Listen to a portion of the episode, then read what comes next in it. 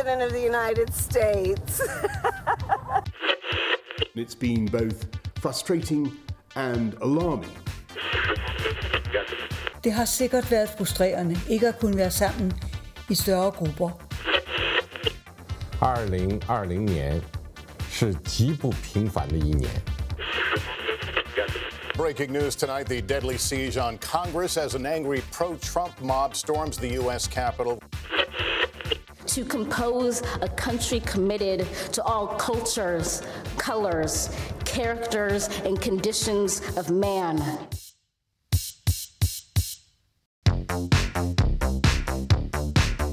Góðan dag, kæru hlustendur, þið eru að hlusta á heimskviður. Ég heiti Guðmundur Björn Þorpirsson. Og ég heiti Birta Björstóttir. Í heimskviðum er fjallaðum það sem gerist ekki á Íslandi.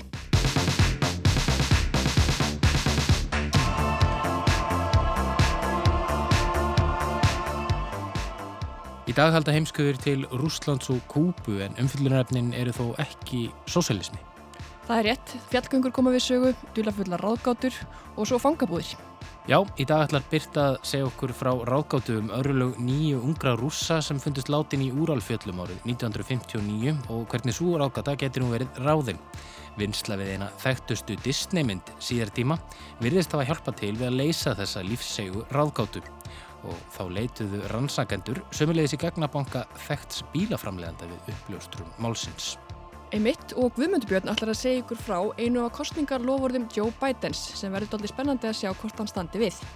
Fjölmjöla fulltrúi kvítahúsins var spurð út í á dögunum hvort stjórn Bidens myndi reynað að loka Guantanamo búðunum og hún sagði að undirbúningsvinna væri þegar hafinn. En það er að mörgu að huga. Barack Obama sagðist líka alltaf að gera það, er að segja að loka búðunum en tókst það ekki. Þar sem hann kom málun aldrei í gegnum þingið. Nú eru 41 fangi í Guantanamo búðunum en tæplega 800 meintir hriðverkamenn og aðrir sem bandaríkja stjórn hefur álitið hættulega hafa dvalið þar á undanförnum 18 árum. Guðmundur Björn segir okkur frá þessu síðar í þættinu. En við byrjum í Rúslandi.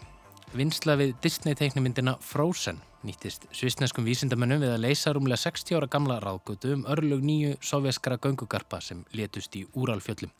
Þó bílar hafi verið fjari góðu gamni í fjallslíðunum, nýttust sömulegis áratuga gamleir útrekningar sem General Motors framkvæmdu við hönnun á öryggisbeltum.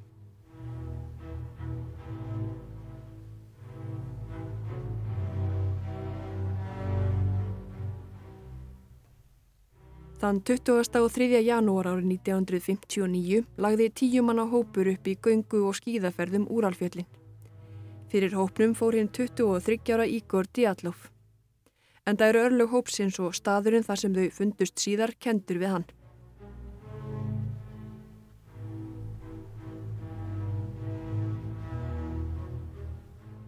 Ferðin átti fyrst og fremst að vera skemmtiferð til að svala útivista, skíða og fjallgöngu þósta þeirra sem lögðu á stað.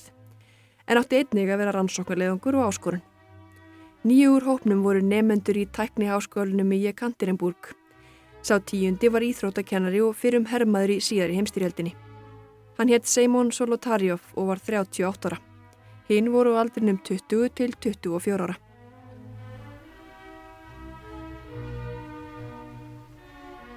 Sagan byrjar eins og sagan af tíu litlu strákonum, einn heldist fljótt úr lestinni. Hinn 21 ás gamli Júri Júdín snýri aftur til byggða vegna veikinda. Ólíkt gömlu sögunni um litlu drengina tíu heldust hinn nýju ekki smámsamur úr lestinni, heldur öll á einu bretti.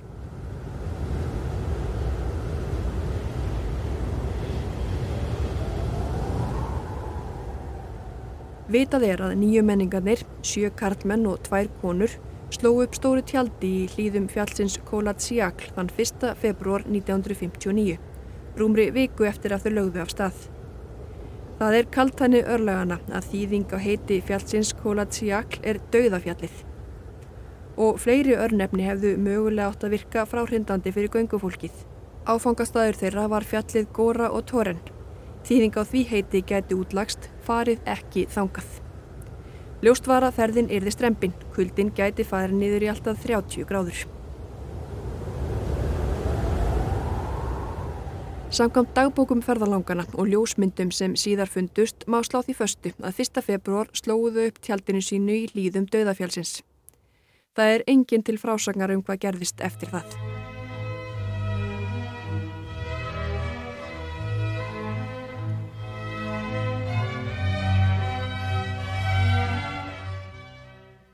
Í ferðaáallinum Djallovs gerði hann ráð fyrir að senda skeiti í kringum 12. februar frá bænum Vísæi til að láta vita að leiðangurinn var í lokið. Þegar hópurinn hafði ekki skilað sér til byggða á tilsettum tíma var farið að grænslast fyrir um þau. Eða reyndir ekki fyrir nokkrum dögum síðar. Djallov hafði sagt að ferðin gæti vel tekið aðeins lengri tíma en áallar var, svo það var ekki fyrir í kringum 20. februar sem ákveði var að leita þeim. Ferðin átti að taka 14 til 15 daga en sangað dagbókafæslum laug ferðinni rétt rúmri viku eftir að hún hófst. Það var sérst ekki fyrir 27. februar sem leitarflokkar fundu ummerki um hópin.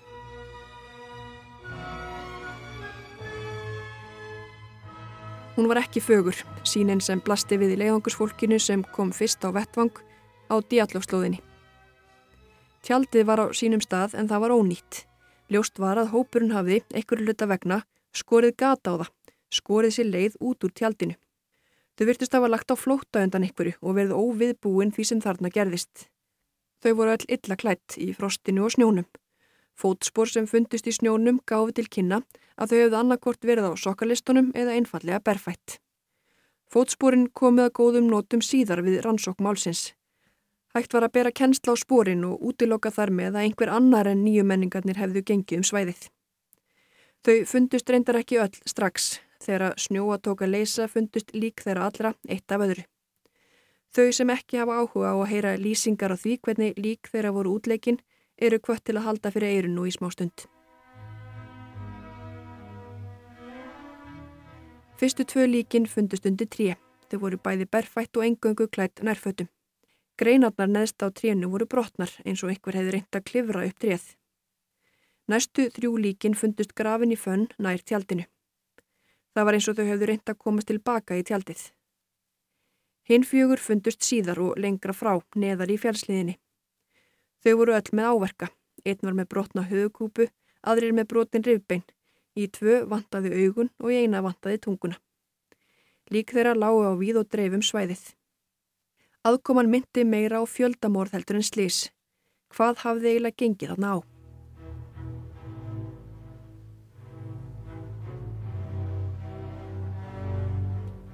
Yfirvöldi í Sovjetríkjunum hófu strax rannsókn á örlugum göngugarpana. Það torveldaði rannsóknina hvað áverkar fólksins voru ólíkir. Meðal þess sem kannad var, var hvort þetta hefði verið grimmileg aftaka. Veiðimanna og hyrðingjahópur sem hafðist við í nágrenninu, kallaðist mannsífólkið, lág undir grunum tíma. Fjöldi þeirra hafði tekið þátt í leitinni að hópnum en það aftraði rannsækjandum ekki í að handtaka fjölda þeirra á yfirheyra, marga vikum saman.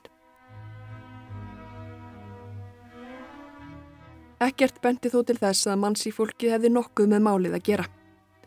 Lev nokkur Ívanov stýrði rannsókninni framanaf. Ekki var það til að minka döluðuna kringum ferðina þegar hann greindi frá því viðtali í kringum 1990 að stjórnvöldi í Sovjetríkjanum hefðu lagt hart að hann um að loka málunni sem fyrst.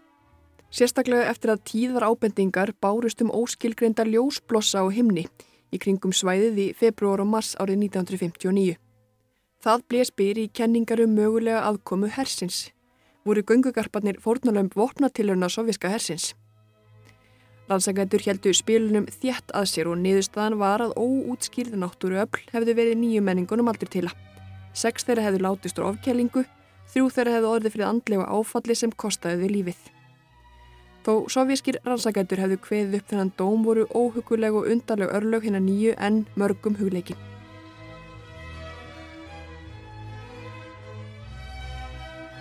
Allskins mistrúarlegar kenningar hafa litið dagsins ljós um það hvað kom fyrir á fjallinu. Snjómaðurinn óulegi og gemverur eru meðal sökudólka sem hafa verið viðræðir af fólki sem eðli málsins sangvæmt vildi fá að vita hvað var til þess að þau snýru aldrei aftur heim.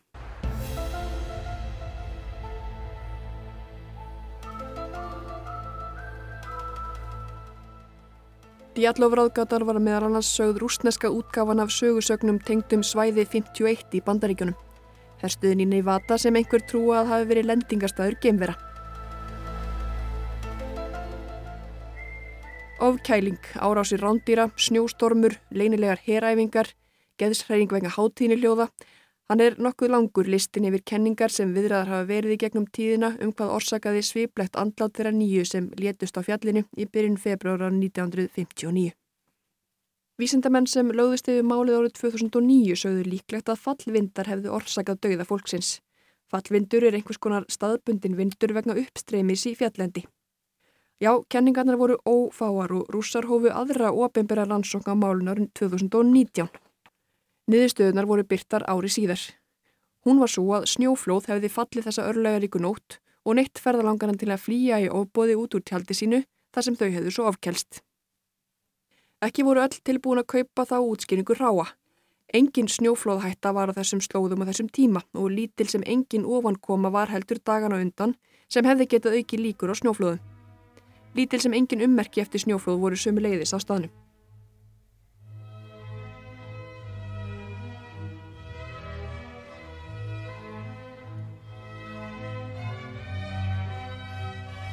Þá kynum við til sögunar svisslendingin Johan Góm yfirmann Snow Avalanche Stimulation Laboratory í Sviss sem gæti útlagst sem einhvers konar ofanflóðastofnun þar í landi.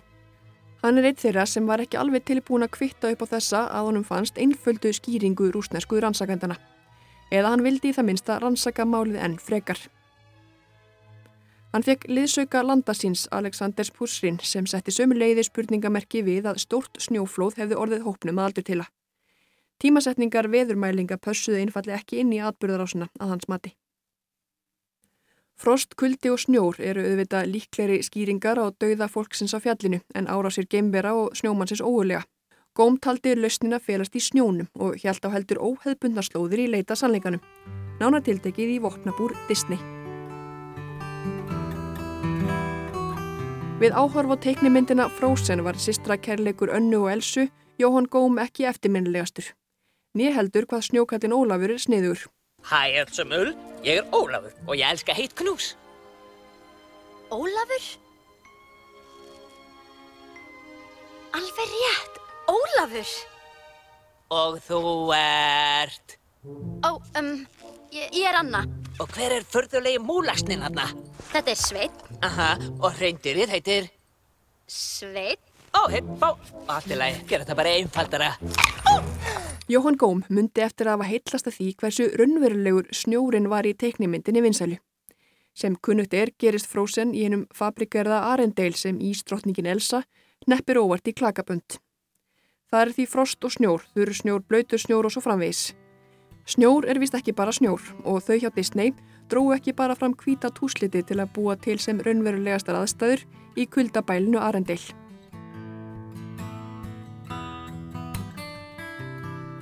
Góm leitaði á náðir Disney til að fá aðgangað algoritmanum sem notaði var til að reikna út og framkalla snjó í öllum formum fyrir Frozen.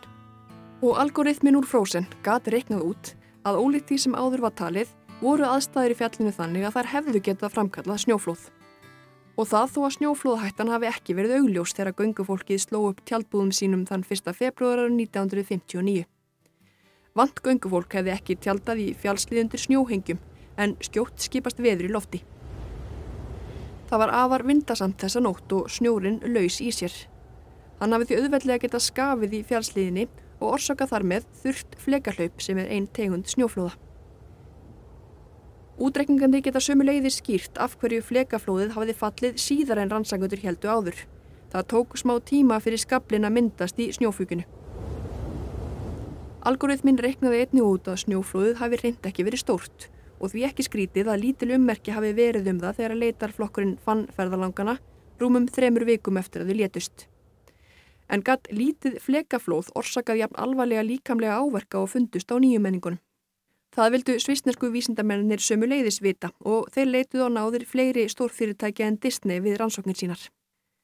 Rannsóknir á snjó og snjóflóðum er eitt, rannsóknir á áverkum fólks annað og þá brúðu þeirra það ráð að leita í reynslubanka bílaframlegandans General Motors. Af hverju ósköpunum kann einhver að spyrja? En það er vegna þess að á áttunda áratugnum lögðust General Motors í ítalegar tilrönnir til að auka öryggi í bílum sínum. Þá voru þau að hanna öryggisbelti í bíla. Þau nótuðu lík bandarækjamanna sem höfðu fyrirandlátið gefið leifi fyrir slíkum tilrönnum. Tilrönnum sem áttu að skoða hversu mikinn kraft þyrtu til að valda fólki líkamlegum skada við áreikstur og akstur. Niðurstöðu þeirra tilunar voru kyrðar saman við útrekningana af kraftinum í snjóflóðinu sem fengin var með Frozen-algoritmanum muniði. og niðurstöðan að snjóflóðið eða flekaflóðið þó lítið hafi verið hefði sannlega geta valdið svo alvarlegum líkamlegum skada. Fallþungi flekaflóðsins hafi geta orsakað meðslinn.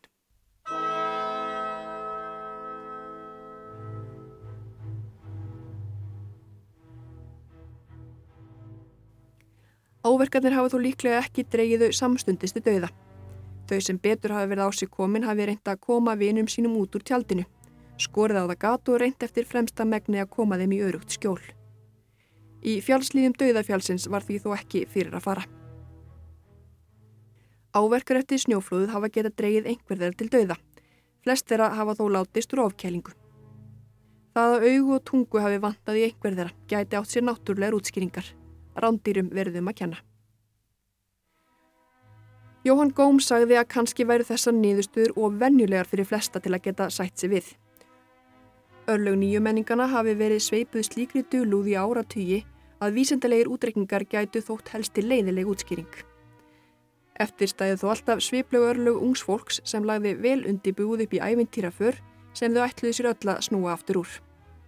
Þessar nýju kenningar eru ekki óegjandi en þær eru sannarlega líklegasta útskýringin hinga til. Það verður þó aldrei vita með fullri vissu nákvæmlega hvað gerðist þessa nótt á dauðafjallinu fyrir 62 árum síðan, annað en að þar létu nýju ungar manneskur lífið.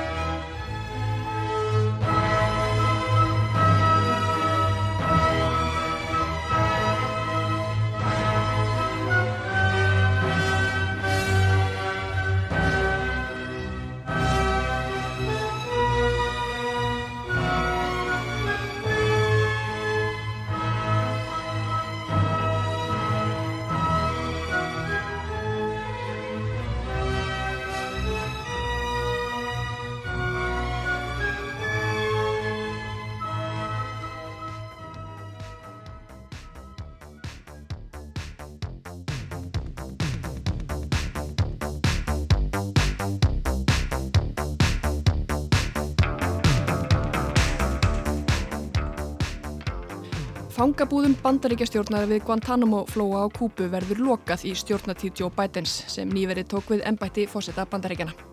Þetta kom fram á bladamannafundi í kvítahúsinu í vikunni. 780 fangar hafa dvalið í búðunum frá því George Bush tilkynnti um opnun þeirra árið 2002. Margir vistmenni í Guantanamo voru fluttir þangað án þess að hljóta réttláta málsmeðferð og þurftu að sæta þar pyntingum.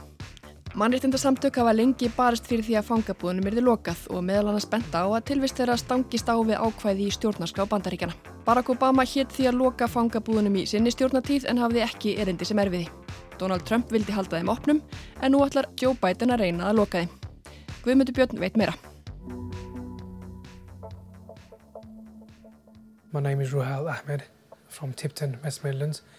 I was in Guantanamo Bay from 2001 to 2004 falsely imprisoned for terrorism. Hér heyrðum við í þeim Rúhal, Moassam og Shafiq, breytum af pakistanskum ættum sem allir eiga það sameinlegt að hafa dvalið í hinnum allræmdu Guantanamo fangabúðum á Kúbu. My name is Shafiq Rasul. I am from Tipton in the West Midlands. I was imprisoned and tortured in Guantanamo Bay from 2001 till 2004 under false accusations of terrorism. Þar sættu þeir pyntingum og annari ómannulegri meðferð líkt og þeir greindu frá í samtali við sjónvarpstöð Væs fyrir nokkrum árum. They used to strip us all naked right in the beginning, you know, they sliced all our clothes off and spattered us and punched us and, you know, degraded us in ways it's really hard to, even now, hard to describe. And that's what they wanted to do. They wanted to remove our sense of individualism, remove our sense of humanity and give us each a number. Shafík segir hér frá því hvernig þeir voru látnir afklæðast og barðir með kilvum af fangavörðum. Nýðurlægingin var slík að enn mörgum árum síðar eiga þeir erfitt með að tala um meðferðina sem þeir hlutu í fangabúðunum. Fangaverðinir vildu svift okkur mennskunni, segir Shafík. Það að þeir þrýr sé af pakistanskum ættum og hafi sætt pyntingum í Guantanamo fangabúðunum er ekki það eina sem þeir eiga sameinlegt. Þeir eru allir fangelsaðir án þess að hljóta neina málsmeðferð, grunaður um að tengjast reyðverkasamtökum. Sá grunur reyndist ekki á rökum restur og þreminningarnir voru reyndir nokkrum af bestu árum æfisinnar af bandaríkistjórn. Saga þeirra þryggja er ekki einstæmi. Í Guantanamo hafa hundruðir fanga dvalið síðastlega 19 ár, margir hverjir blásaklausir menn sem höfðu ekkir til saka unnið, annað en að vera á vittlusum stað á vittlusum tíma, líta út fyrir að vera líklegir til að fremja hriðiverk eða bara bera framandi nafn sem hljómar eitthvað í líkingu við nafn hriðverkamanns.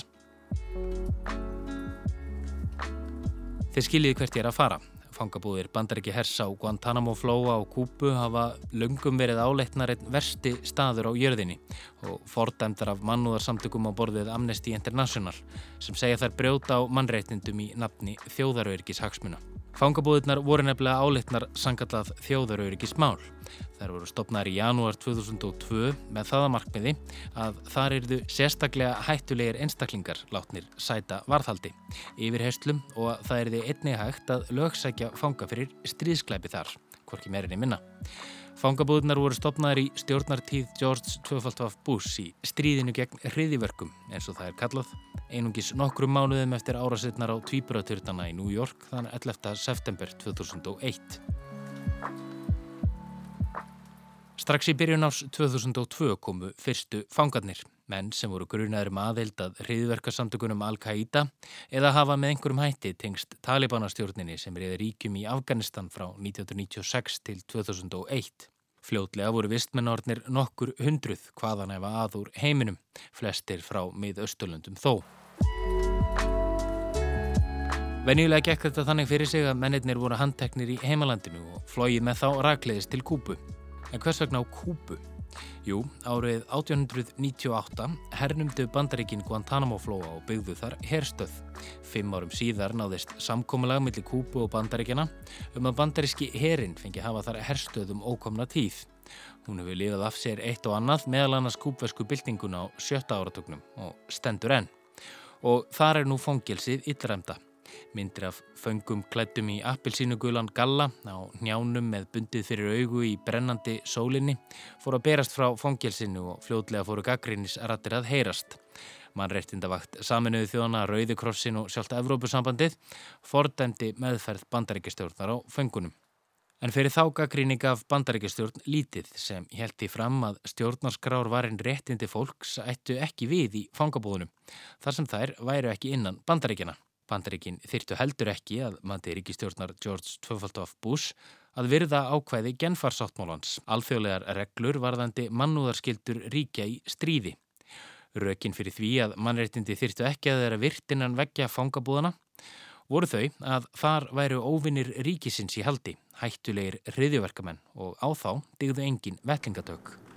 I have put this program in place for a reason and that is to better protect the American people.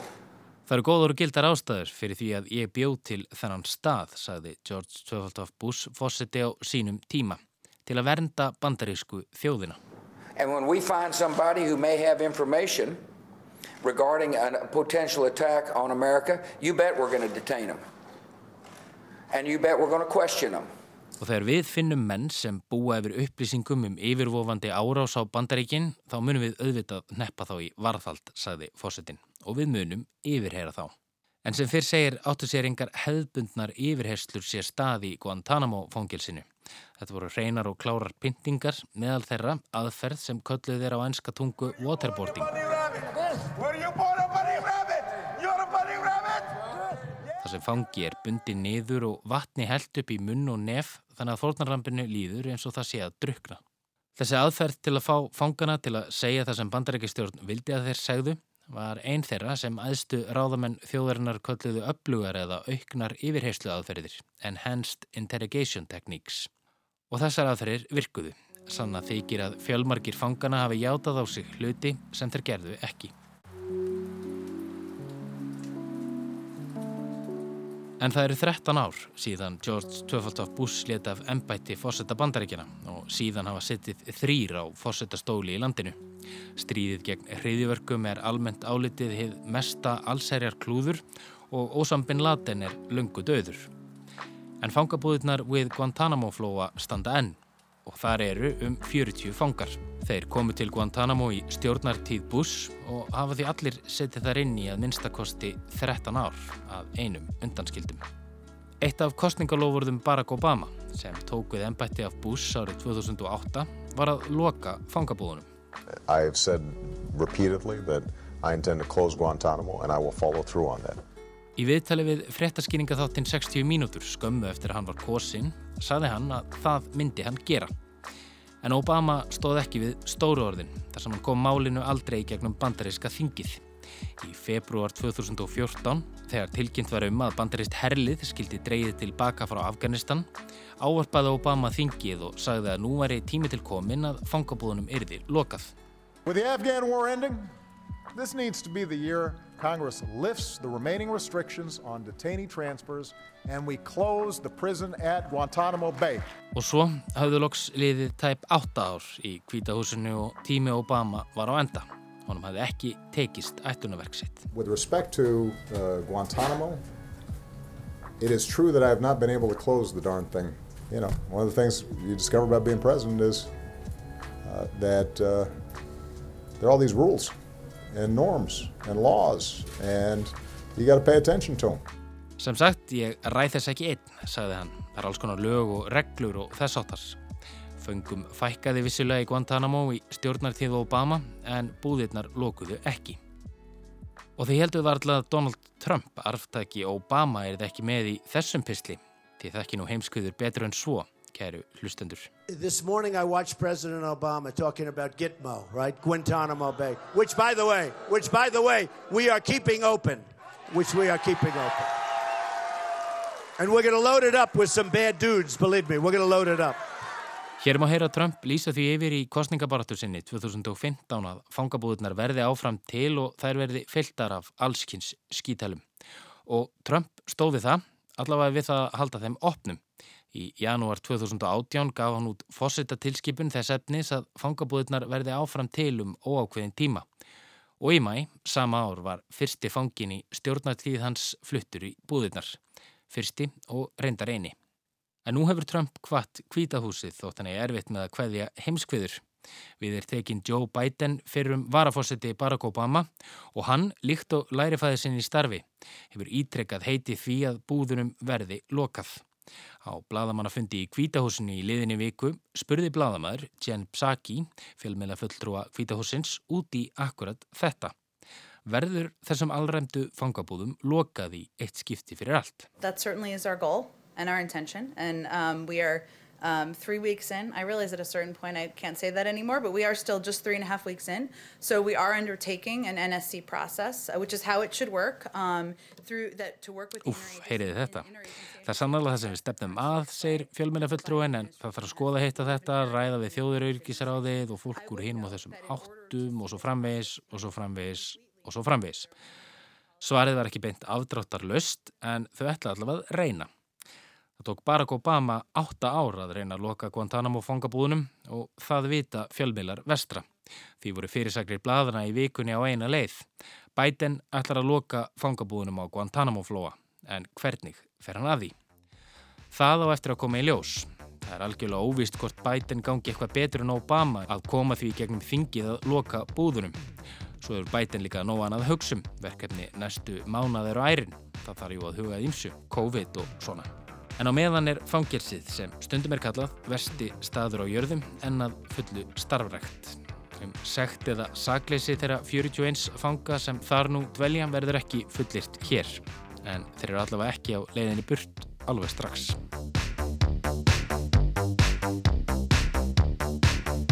Þetta verða loka orðin í heimskviðum þessa vikuna. Þessi þáttur og allir hinnir eru aðgengilegir í spilaranum á rúf.is og á öllum helstu hlaðvarpsveitum en við þakkum þeim sem hlýtu og heyrumst aftur í næstu viku.